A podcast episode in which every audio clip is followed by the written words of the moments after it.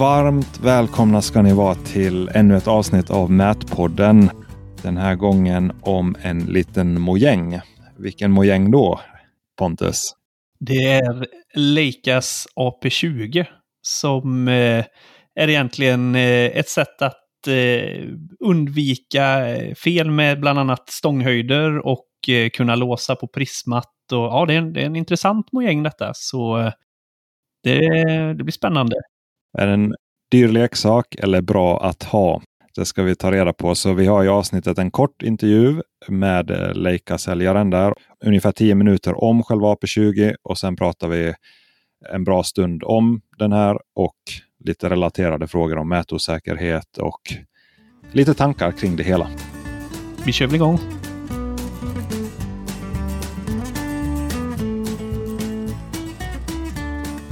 Då är vi här i Leicas tält igen och så finns det en liten apparat på en under ett prisma här som jag ser och så står det AP20 på den. Vad är det för någonting? Det är en tiltkompensator för att kunna köra eh, med totalstationen och använda tilt samtidigt. Och det är ju många vana vid, vid användning av våra eh, GPSer idag. Eh, och nu har vi även plockat fram det till totalstation. Okej, okay, så du kan hålla den i ja, en tilt? Och... Ja, du kan mäta i vinklar bakom hörn utan att behöva hålla stången rakt. Man får även med lite andra saker när man eh, kör på denna och det är ju ID för att låsa prismat mot eh, ett specifikt prisma så du inte låser mot en massa olika saker. Utan den läser då koden som den skickar ut så den inte låser mot en jacka med reflexer på och så vidare. Eller om man är flera prismor. Eller om man är flera prismor på samma arbetsplats ja. Med stången som tillhör detta kittet så har du även eh, höjdangivelse automatiskt. Så du har aldrig fel stånghöjd. Så om du sänker och höjer stången så fixas det själv? Så höjer den och sänker det automatiskt i programvaran. Jaha, det är många fel som har begåtts. absolut, absolut. Det har kostat många timmar för många mätare. Alla mätare kanske i början av ens karriär. Lite ångest. precis, precis. Okej, okay, men hur... Ehm, alltså lite så tekniskt. Hur funkar den? Hur systemet? Om jag bara beskriver det visuellt så är det ju en liten grå box som är kanske knappa 10 cm hög och lite smalare och så blinkar en liten batterilampa där och en på-knapp. Eh, det är väl så det ser ut men är det ett helt system måste man ha en särskild stång. Behöver man ha någon särskild utrustning, särskild mjukvara för att använda den tänker jag. Liksom. För att använda denna så krävs det ju Captivate eller Geopard. Det funkar med Geopard? Det funkar med Geopard idag. Det som är hårdvarumässigt är då att du behöver ett nytt radiohandtag som idag levererar vi RH17 och du behöver RH18 med dubbla blåtandskopplingar i. Ja, på totalstationen? På totalstationen, ja. ja. För du måste ju koppla upp den med två enheter mot eh, handtaget samtidigt. Ja, det är ju sant. Den pratar ju med totalstationen såklart. ja. Eh, sen eh, stången är ju enbart för att få höjden. Eh, man kan köra med sin vanliga stång men då behöver du en liten adapter där uppe för att sätta på den. Då, då kan du inte använda höjdenheten utan det, du behöver en speciell induktionsstång för att eh, eh den ska kunna mäta höjden. Så stången är en del av systemet i så fall man får köpa? Ja. Och så är det ju då någon form av tiltkompensator där i burkarna. Det sitter en, en EMU som beräknar detta eh, till dig hela tiden egentligen. Så du kan ju egentligen mäta eh, gåendes. Sätta ner stången och fortsätta gå och trycka på mätknappen och bara gå vidare. Det är en väldigt häftig sak. Då tänker man direkt, blir det lika noga? Vad blir noggrannheten då man, i rörelsen där? Alltså allting spelar ju in här. Det är ju hastighet och, och i vilken stor vinkel eller hur stor vinkel du sätter ner stången i. Eh, hur lång stången är. Eh, ju lägre du har desto bättre blir noggrannheten. Men ett riktmärke är väl eh, noggrannhet på 4 mm eh, vid 2 meters stång om du kör den i 90 graders vinkel. Så det är det maxfelet blir 4 mm. För du nämnde någonting om hur sekundnoggrannheten på själva... Ju mer lutning du har desto mer fel blir det. Men som max så blir det då 4 mm fel. Jaha, du menar 90 grader i sidled? Alltså om, om man håller den liksom mot en vägg? I 90 grader ja. ja. Okej, okay, och då är det 4 mm? Ja. Okej. Okay. Alla andra mätningar kommer att vara mindre. Ja. Ja, det borde vara det. Ja, det borde vara det. Ja, men allting har ju beroende på hastighet och allting så... Eh. När vi bara pratade här innan, rätta mig om jag har fel, men den blir också noggrannare om du håller centrerar Ja. uppåt. Det vill säga om du håller stången still. Det känns ju rätt att hålla stången still Absolut, om man vill hålla den rakt stången efter bubblan. Och ehm, när man räknar på det här med bubbla, om du, det är klart om du kalibrerar den så kan den bli ganska bra. Det blir aldrig exakt, men det kan bli ganska bra. Eh, vi räknar med medel att man har 7-8 sekunders noggrannhet på bubblan. Och AP20 ger det då uträknat två eh, sekunder istället. Så du får egentligen en bättre centrering. Du får en bättre noggrannhet med AP20 om du håller den stilla. Om du, om du jämför de två eh, mätningarna så blir det en bättre noggrannhet. Ja, det öppnar upp för lite möjligheter. Typ mäta mot fasad eller stolpar och liknande. Man behöver inte liksom, annars måste man typ flytta eller lägga längd till, lutande längdtillskott och lite grejer. Precis, eh, och, och framförallt om du går vid en arbetsplats och du har massa grejer i vägen där du hela tiden höjer och sänker stången för att få kontakt med din station. Då minimerar du ju felen väldigt mycket och du slipper in och knappa eh, höjdmässigt. Och du kan eh, gå runt en hörna och fortfarande ha kontakt eh, med prismat utanför väggen men du mäter en punkt bakom väggen. Man slipper lite förflyttningar kanske och detta är ju väldigt tidsbesparande. Väldigt tidsbesparande. Hur ser eh, batteritiden ut? Jag bara tänker, bör man ladda den en gång om dagen eller en gång i veckan? Eller liksom... Det finns ju tre modeller av AP20, eller egentligen fyra modeller. En som är komplett, den har både höjd, ID och tilt. Den håller eh, 6 till 7 timmar ett batteri. 6 till 7 eller 6 till 7? 6 till 7 timmar. Okej, ja. Kör du med de andra enheterna som inte har tilt i sig, eh, då är det uppe på 16, 17, 18 timmars drifttid. En arbetsdag liksom. Ja. Och det bör det klara. Och, och här på mässan har vi inte bytt batteri en enda gång. Så det, alltså vi laddar det på natten och så... eh, Är det integrerat batteri eller någon han som... Det typ är ett standard Leica-batteri eh, för AP20 så det passar i den vanliga laddaren. Okej, men det är, någon, det är inte en typ till handdatorn utan det är ett AP. Men, Nej, det är ett specie- speciellt batteri för det. För det, vi vill få ner vikten lite Ja, grann. Och, men i vanliga Leica-laddaren så, Ja, så kan man ladda det. Ja. Jag ser också att den här AP20 sitter på en GNSS-rover. ja, den sitter där eh, på grund av höjden. Så den mäter bara höjd. Ja, så, så man man slipper tänka på roven där har väl tiltkompensator redan. Precis, precis. Har ni fått lite kundreaktioner än? Den är relativt ny och kunderna som har köpt den och provat den är väl nöjda. Vi har inte haft så mycket problem med detta heller. Men som sagt, den har inte varit ute på marknaden så länge men, men responsen har varit väldigt positiv. Är det något annat som features eller bra att veta om den? Eller liksom, det låter som en bra lösning. Man kanske är nyfiken på i vilken härad landar en sån. eller är det så det kontakta oss för offert? Det, det, det, det får man nog ha på fart. Det beror lite på om du köper ett nytt instrument eller om du ska eh, köpa det till ett gammalt instrument och så vidare. Vi måste ju byta lite saker och Det är sant, ja. det blir ganska stor prisskillnad där. Så det är nog bättre att ta det på fart. ja. Den är ju IP67 så den, den klarar ju vårt vanliga väder här och minus 30 till plus 70 grader. Den klarar i runda slängar det som stationen klarar. Ja, det är bra. Har du märkt någon motstånd? Är det några folk som säger att den är onödig? Det har väl kommit lite grann, eh, framförallt från en, eh, ja vad ska man säga, de, de äldre mätarna som tycker att det är ju trams. Nu har det gått för långt. nu har det gått för långt ja. Det blir för lätt. Men detta ska ju inte heller, man ska inte jämföra med, med mäta med miniprisma och så vidare. För där är du nere på riktigt noggrant och där är det inte där du ska använda denna. Nej, men till projekteringsmätning och... Eller ja, men ja, det är ju i och för sig sant att eh, bra att du poängterar. Det är inte liksom till för fixa mini... Men det är, du har ju en wobbel lite i det ändå. Ja.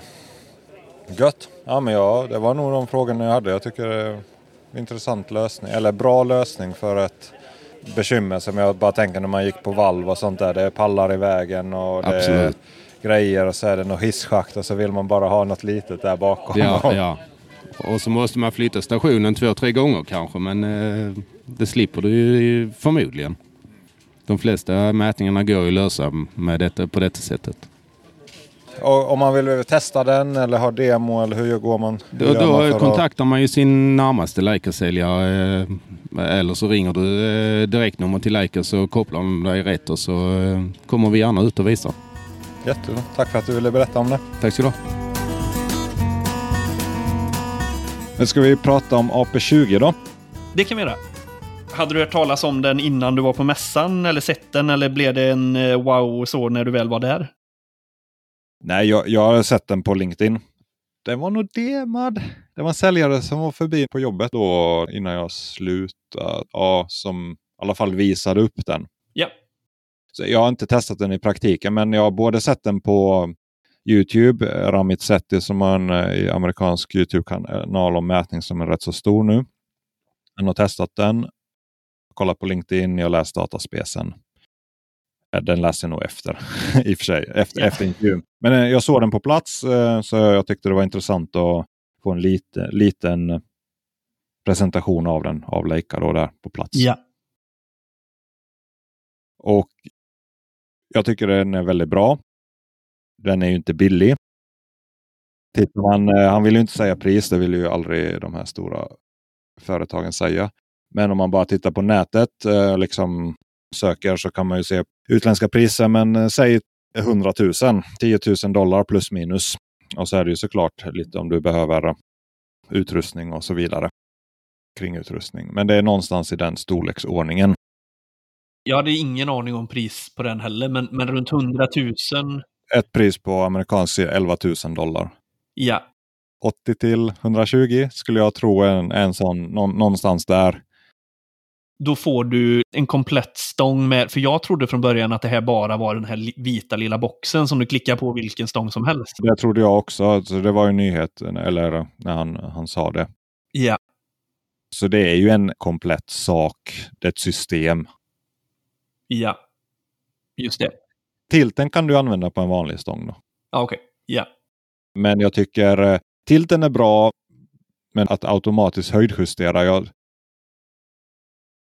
du undviker grova fel. Du har ju problemet med Inom mätning så har du, om man tänker mätosäkerhet, så har du grova fel, systematiska fel och slumpmässiga fel. Kan man ju definiera som. Grova fel är ju inte saker du kan justera efteråt. Det är ju liksom att du gör en blunder, ett misstag. Du skriver in fel stånghöjd, du läser fel siffra, du vänder på siffror. Det är liksom helt off. Du kan inte korrigera för dem rent matematiskt. Det är grova fel. Och de kan du egentligen, eller framförallt bara hantera genom kontroller och bra rutiner. Framförallt bra rutiner. Och stånghöjden är ju ett sånt där riktigt eh, problem. Det kan du bara egentligen hantera genom kontrollpunkter. Och egentligen knappt det, för om du byter stånghöjd väldigt ofta. Vill säga när du har på en vägmätning tänker jag så har du lite dålig sikt och så ska du under en gren och så sänker du den och så glömde du den, det är natt, du är trött. Hur många gånger har inte jag behandlat mätdata som har haft sådana fel? Ja, rutinen är ju ändra inte stånghöjd eller ha bara på en på två meter eller på lägsta. Det är också en rutin. Använd inte dig av alla de här varianterna av höjder du kan ha. För att du minimerar antalet fel. Så där tycker jag den här AP20 är ju fantastisk, även om den kostar. Men allt bakas ju in såklart i slutändan i sin utrustning och och det kommer nog bli någon form av standard. För det där var mycket, mycket det kostar att göra fel på det där med stånghöjd. Alltså det, det hade varit intressant att ha siffror på det där, men jag tror ändå en relativt stor del av felen eller försäkringsärenden eller liknande, alltså om saker som en mätkonsult får stå för i slutändan, handlar om du hade fel stånghöjd. Det känner jag igen mig jättemycket. Att de gånger som det har blivit väldigt mycket fel så är det ju mestadels stånghöjden som mm. har varit. Det, det, är klart att man har, ibland så har man liksom valt fel prisma konstant. Det är också en sån sak, ja. Ja, men å andra sidan så kanske du, hela mätningen du mätte med, en, med ett 360, du har råkat eh, tryckt in något annat mini eller något. Det går ju att korrigera en sån sak. Att beräkna om det, men stånghöjden är inte rolig faktiskt. Det är den jättebra. Jag vet inte, en, en sån, nu ställer jag frågan till dig, men kunde du även eh, upp och nermäta med den. Att du går och mäter i tak. Ja, det är ju det som är häftigt med den, att du kan det. eh, upp och ner. Och det visar inte på plats men jag har kollat efteråt. Du har ju, om du tänker dig att du har en stång och så har du den här IMUn och så har du det 360 prisma. Ja. Så tanken är ju också att du har ett, en kort stång skruvad på ditt 360 prisma så du får en typ en 20 cm stång. Just det. Jag sitter och kollar här på ett dokument samtidigt som du skickar. Ja. Och då blir det ju att du kan, liksom, nu vet jag inte hur det funkar rent programvarumässigt, men tanken är ju ändå att du ska kunna mäta med en kort, väldigt kort stång. Bättre noggrannhet. Väldigt enkelt. Men du kan också mäta i, i tak. Ja. ja, men det är ju superbra.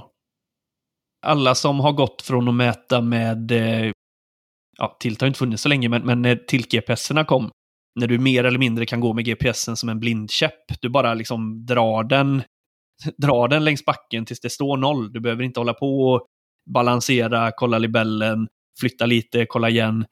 Det blir ju exakt samma sak här. Och så länge du inte är nere på de här liksom två millimeters eh, jobben så sparar du ju också väldigt mycket tid där. Att leta nollan går ju mycket fortare. På, på ett stort jobb. Sen var det ju som, han sa, eller som ni sa där att det kanske äldre generationens mätare, de tycker väl dels att så här, kan man verkligen lita på det här? Och sen även, ja men lite grann då, om det nu kostar runt 100 000 säger vi. Är det värt det? Hade den kostat eh, 12 000 så hade ingen funderat. Då hade, folk, då hade folk köpt den. Nu blir det ändå lite, ja, hur mycket tjänar jag på det? jag jobbar ändå på timme. Varför ska jag springa och, och jaga sekundrar?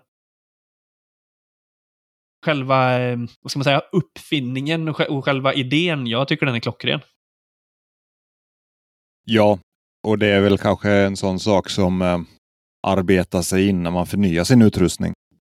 Att eh, just bara för det. Jag tror det är en sån grej som man ska testa. Jag har lite olika aspekter om man tittar på den Ramit eh, sett i videon så ser man ju hur mycket snabbare det går att mäta eftersom du inte behöver stanna upp lika länge och du behöver inte centrera din bubbla. Och det är faktiskt, noggrannheten blir inte sämre, det blir bättre och IMUn funkar om jag förstår rätt. Det, det är inte som gamla IMUn utan de bygger på något sätt på en rörelse. Alltså, jag vet inte, gyro är det väl inte, men på rörelse i alla fall. Så att du initialiserar dem genom att gå med dem eller svänga på dem. Så det är inte att du måste vara still för att mäta, utan de blir nästan bättre när de är i rörelse. Väldigt översiktligt. Jag kan inte hur immun funkar, men det är så jag läser de här sakerna. Så att när du mäter en vägkant till exempel, så just det här, du behöver inte stanna upp och pausa på det sättet och nolla, utan du sätter din punkt och så klick och så blir det bra. Det är det jag menar med att du nästan går med den som en blindkäpp. Du kan bara ja. fösa den längs, alltså dra den längs din eh, yta och så när du är nöjd så... Och sen en annan fördel då med rent mätnings... Eller hur du specificerar din punkt är ju att stången generellt, eller ja, stången har ju en tjocklek. Så till exempel du mäter en kantsten. Om du mäter en kantsten så mäter du egentligen inte där roten är utan du mäter ju Du mäter stången. en centimeter ut. Ja, halva stångens tjocklek. Ja. Och där får du ju din punkt helt plötsligt eftersom du kan luta den lite så du får ju spetsen. Ja. Och det är ju väldigt, väldigt nice. Och husliv och egentligen all, allt möjligt som du behöver liksom komma in mot en kant. Blir ju helt annat. En produktionsaspekt som man säger, man har saker i vägen, du kan luta den lite, du kan dolda punkter bakom hörn. Eh, om du har folk i vägen kan du sväng, liksom bara justera på den. Det ökar hastigheten rätt så bra. Jag har ett sånt typexempel. Säg att du är uppe på en HDF och så ska du sätta ut håltagning för eh, betonghåltagaren. Och så eh, har du bärande pelare med jämna, avstånd, eller jämna mellanrum och du ställer upp. Du är noga med din uppställning för att inte de här pelarna ska skymma. Och så har du ett uppstick när du märker att precis det jag vill ha nollan, ja då tappar den prismat. Det hade ju bara varit att vinklat ut ett prisma. Bara vinkla ut det förbi pelaren. Bara, bara stationen ser prismat så blir ju spetsen rätt. För det pratar vi inte bara om att, och liksom stå med bubblan och hitta nollan, utan det blir ju en ometablering. Det är ju enda sättet att lösa det om du inte har en sån här lösning då.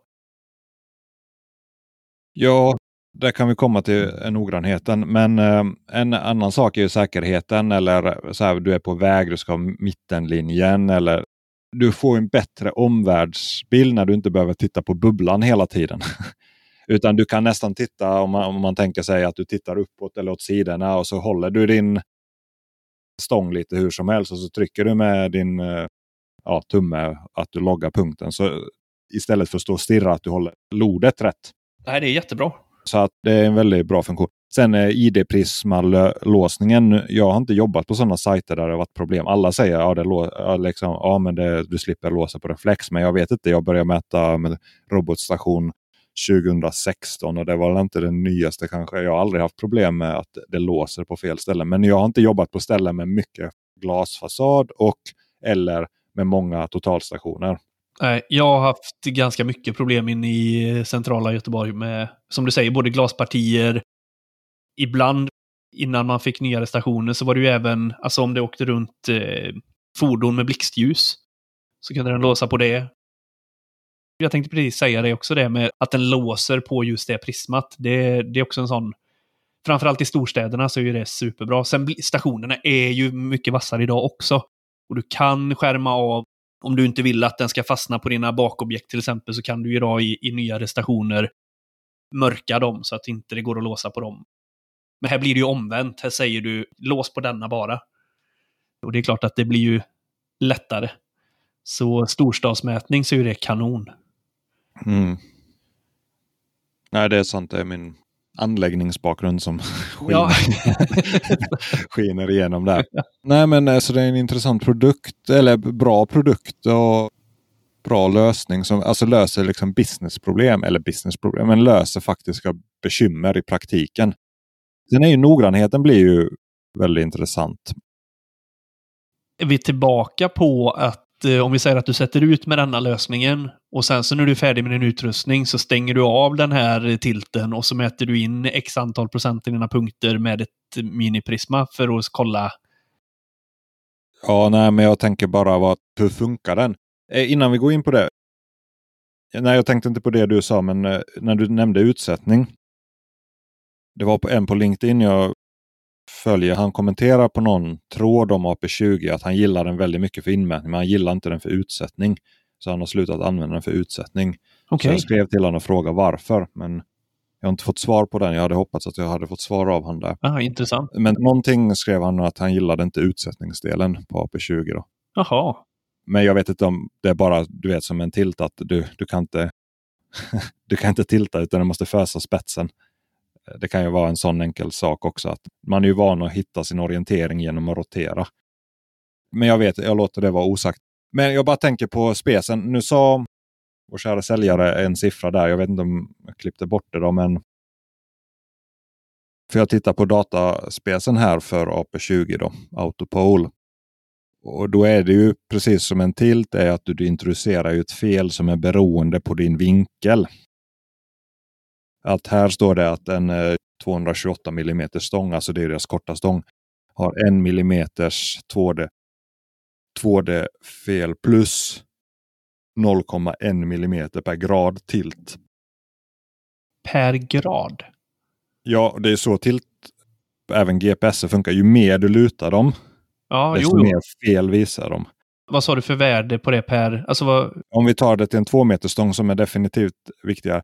2 meters stång har 4 mm läges, extra lägesosäkerhet plus 0,7 mm per grad tilt. Ja, 0,7, inte 7 mm utan 0,7. Nej, den korta stången, 20 cm stången, har 0,1 mm ja. per. Ja, jag tyckte du sa 1 mm per grad. Då tänkte jag, men hjälp.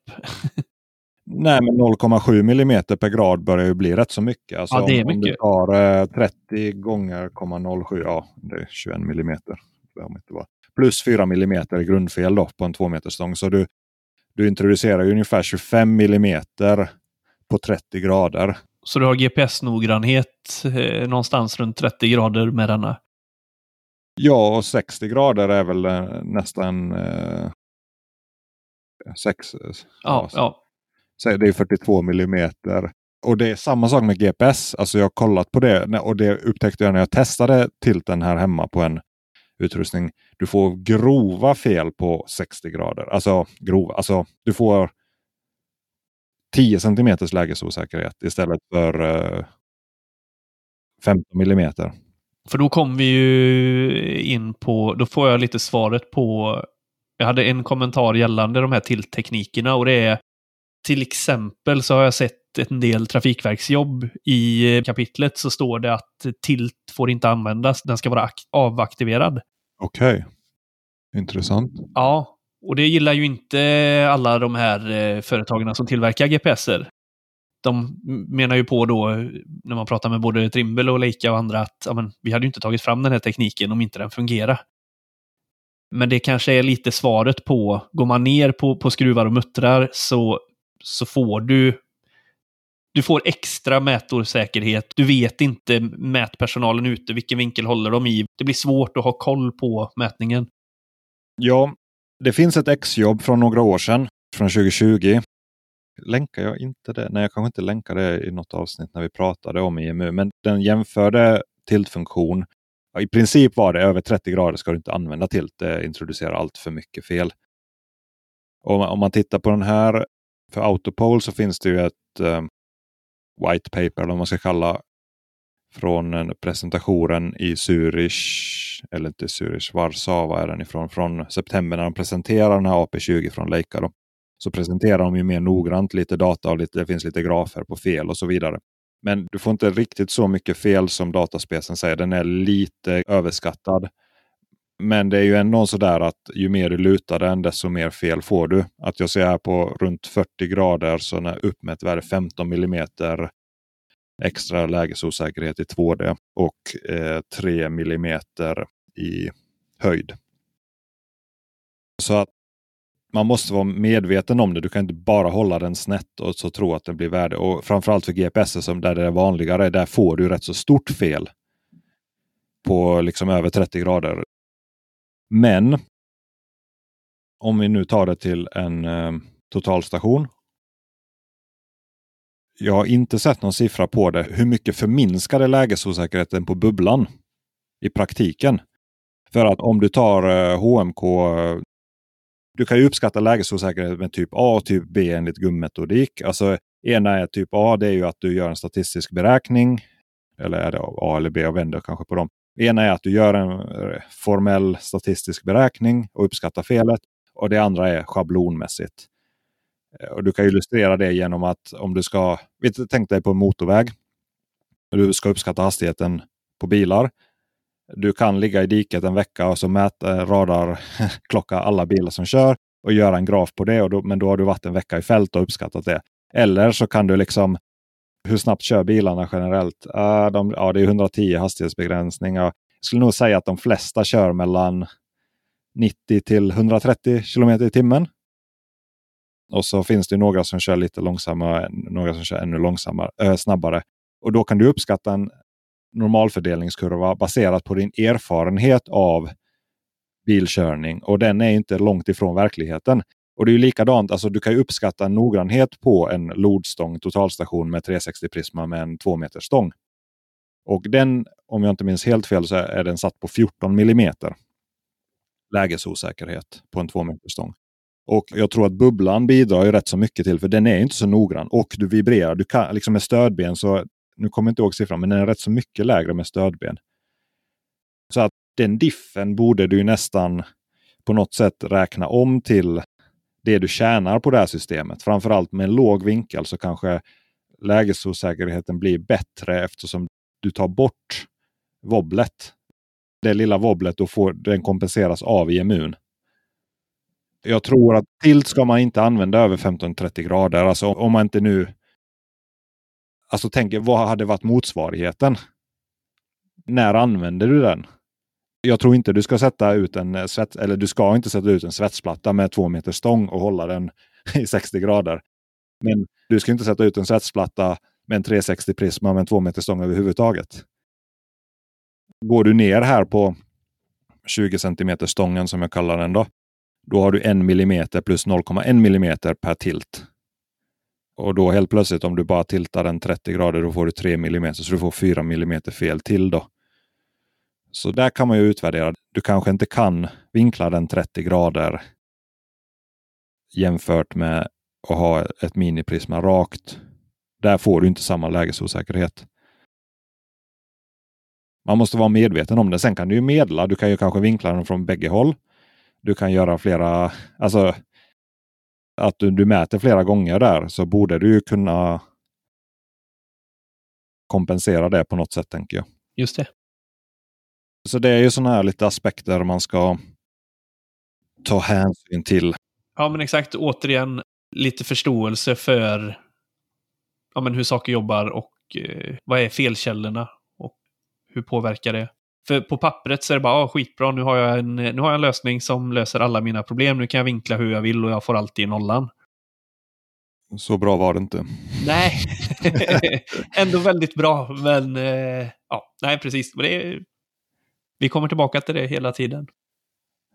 Ja, men om jag bara på grafen här runt 25-30 millimeter. Från 50 grader till 90 graders lutning så är det ungefär 25 till 30 millimeter ökad standardosäkerhet. Så ska man vara medveten om det. Det påverkar ju höjden mindre, men ändå påverkar det ju höjden. Framförallt i flackare lutning. Men det är ett bra verktyg och det är som sagt eh, just där när du oftast ändå står rakt och du projenmäter och du tar vägkanter och du ska ha kantstenar och liknande. Du ökar hastigheten. Titta bara på den eh, videon på Youtube som Ramit har gjort. Han, han mäter typ samma, det är en trottoar. Det är liksom han mäter den en gång med vanligt och en gång med 360 eh, AP20 menar jag. Det går snabbare helt enkelt. Och det är samma, samma noggrannhet. Ish. Riktigt bra. För eh, när du positionerar dig, det är ju en någon... Ja, som sagt bubblan och spetsens verkliga läge som diffar. Sen är det ju ofta hemskare. Man säger det ökar en osäkerhet. Men många tycker ju GPS-kvalitet duger till det mesta. Men eh, det, det, är ju rätt så grovt egentligen. Precis. Och då är det återigen, är det en mätkunnig som tycker att det är tillräckligt bra eller är det någon icke mätkunnig som säger att det duger säkert? Ja, ja, men praktiken visar väl att mycket mäts med GPS. Och det, ja. det blir byggt. Ja, det blir byggt. Men, det är ju en eget svart hål som eh, ja, det ja. blir mer snack om. Men en öppen fråga här som relaterar till mätosäkerhet är ju det här. En fråga till någon som kan det här. Om du har en inmätning av en befintlig yta och du ska mängdreglera mot den. Och så kontrollmäter du mot den. Och så får ni en diff vilket det alltid blir per definition. Hur stor diff får det vara innan du ska reglera mot det? Du mäter in en befintlig yta med GPS till beställaren. Beställaren säger toppen, jag drar in det i mina mängder. Det är 200 millimeter. Eller ja, eller en viss höjd. Och sen kommer entreprenören och gör sin plats innan han börjar så mäter han in det. Och sen, det ligger fem centimeter för högt. Eller för lågt. Jag ska ha betalt. Hur gör man? Ja, men vi, vi passar väl den frågan och så får någon svara. ja. Jag har varit med i projekt där beställaren bara visst, det är fine. Du får betalt för fem centimeter till. Men det är ju inte verkligheten. Alltså du, du har ju en diff. Och jag bara säger vad jag tänker. Liksom. Du har ju kontroll och markmodell som har en viss noggrannhet. Eh, och en, en grönyta då skulle, ska ju med kontrollen motsvara 5 cm medelavvikelse får det ju diffa på, på kontrollen. Och då kan du klassa den som att den här är enligt SIS 2144 baba. Så. Men det är jag inte riktigt lika säker på att om min kontroll visar på att den avviker 6 cm mm. istället för de spesade 5. Hur mycket kan jag få betalt för då? Hur mycket är det skillnad? Är det en centimeter det är fel på eller? Ja, nej, men jag, jag förstår vad du menar. Eh, skiljer det någon centimeter så är ju frågan om det ens diskuteras. Men just där om det börjar liksom 10 centimeter, 20 centimeter. Men eh, alltså vart går gränsvärdet då? Jag tänker ju även eh, i det exemplet som du säger här med beställaren har tagit fram och mängdat upp och sen så när entreprenören gör sin inmätning så säger han att det är så här mycket mer massor enligt min befintlighetsmodell. Då blir ju min första tanke är ju, har beställaren skickat med utgångshöjder? Är det de, har ni utgått från samma höjd? Så inte det, för det, det, det måste ju vara liksom första man kollar. För har beställaren inte skickat med någon utgångshöjd utan han skickade ut någon eh, på kontoret som har skaffat en GPS och så sprang han och mätte lite och så här är modellen. Och sen åker entreprenören ut och eh, kör med sin GPS eller eh, ja, han kanske etablerar upp jättefancy nät och springer med totalstation. Då kommer det ju garanterat att diffa. Och det, det där sopas ju under mattan i alla projekt. Ja. Anläggaren, det är bara anläggaren som märker det och så funderar de varför det stämmer inte höjderna när vi ansluter mot befintligheter. Jag, jag hade utbildning i ritningsläsning för eh, Park och naturförvaltningen här i Göteborg. Jag har haft det i flera år. Men någonting de återkommer till gubbarna liksom i olika lag. Bara, vi får höjder här. Varför stämmer de inte med befintliga? När vi ansluter mot kantstenen så är det alltid en glipa. Det kan diffa upp till 4-5 centimeter. Ja, men det är ju för de har ett ramavtal med en mätare eller en, en projektör och så gör någon en projekteringsinmätning och så slänger de ut en spik. I Göteborg finns inte den här avväg från fix mentaliteten som jag uppfattar finns lite starkare i Stockholm. För det finns inga höjdnät, eller på många ställen i Göteborg finns inget bra höjdnät. Så du, du slänger ut någon, du kör inte ens en rufris utan det är en spik liksom med en höjd, och det är ju klart när, en, då, när man kommer som entreprenör och lägger, får sin mätkonsult eller och lägger ut där så blir det inte samma.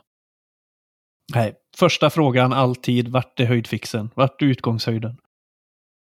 Alltid. Ja. ja. Nej, men det här med mängder, för jag, det, det är intressant. Alltså, hur jämför du mätosäkerhet när du bägge använder dålig mätosäkerhet? Ja, men då... Ja. och då säger ju någon, nej men det gör inte så. Ja, men det är ju verkligen så. Ja, hur ska det bedömas? Hur ska man tänka? Vem har, vem har rätt och vem har fel? Vad kör man på? Kör man ett medeltal? Om du mäter en koordinat och bägge GPS är, är GPS-koordinater, eh, alltså GNSS RTK då. För att vara mer specifik om man vill ha osäkerheten eller om man mäter två punkter i plan med nätverks-RTK och så vill man ha reda på diffarna då. Diffen mellan två punkter eh, med de här formlerna är det är kvadratroten ur två gånger lägesosäkerheten ger standardosäkerheten mellan punkterna. Så för att koka ner det, så säg att planosäkerheten för nätverks-RTK är 15 millimeter.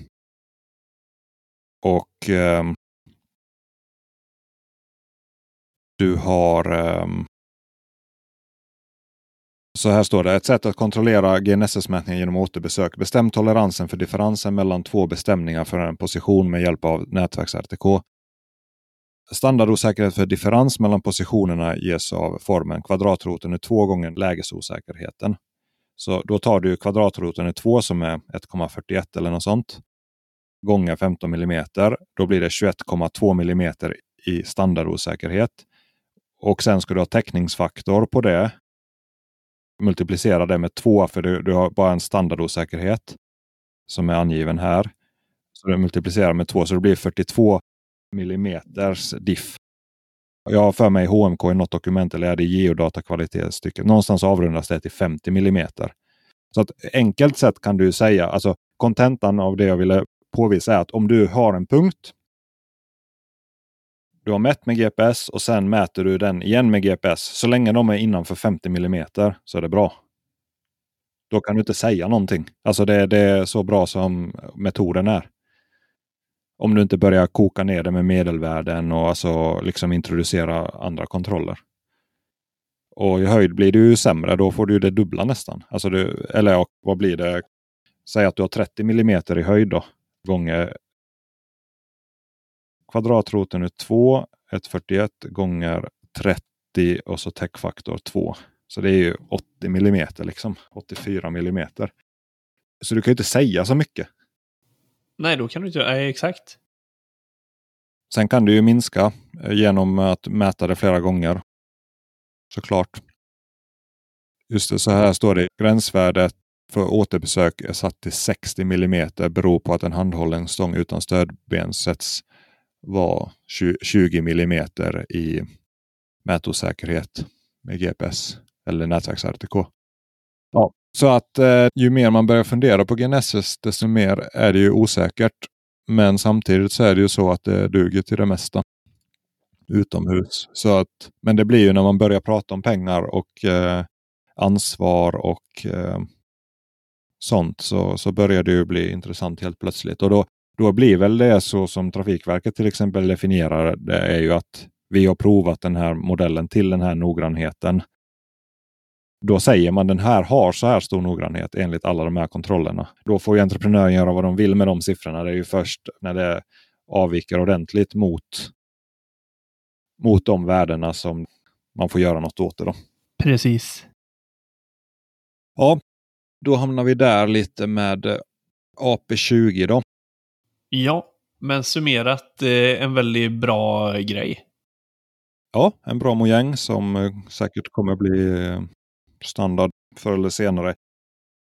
Framförallt, du minskar det här tråkiga felet med fel höjd och du ökar på din produktivitet när du gör projektinmätning. Ja, exakt. Gott. Vi säger väl så för den här gången då. Det tycker jag att vi gör. Väl mött nästa gång. Väl mött nästa gång, ja. Och har du tankar eller vill dela med dig av dina observationer eller rättelser så skicka dem till Jonathan landskaparen.se.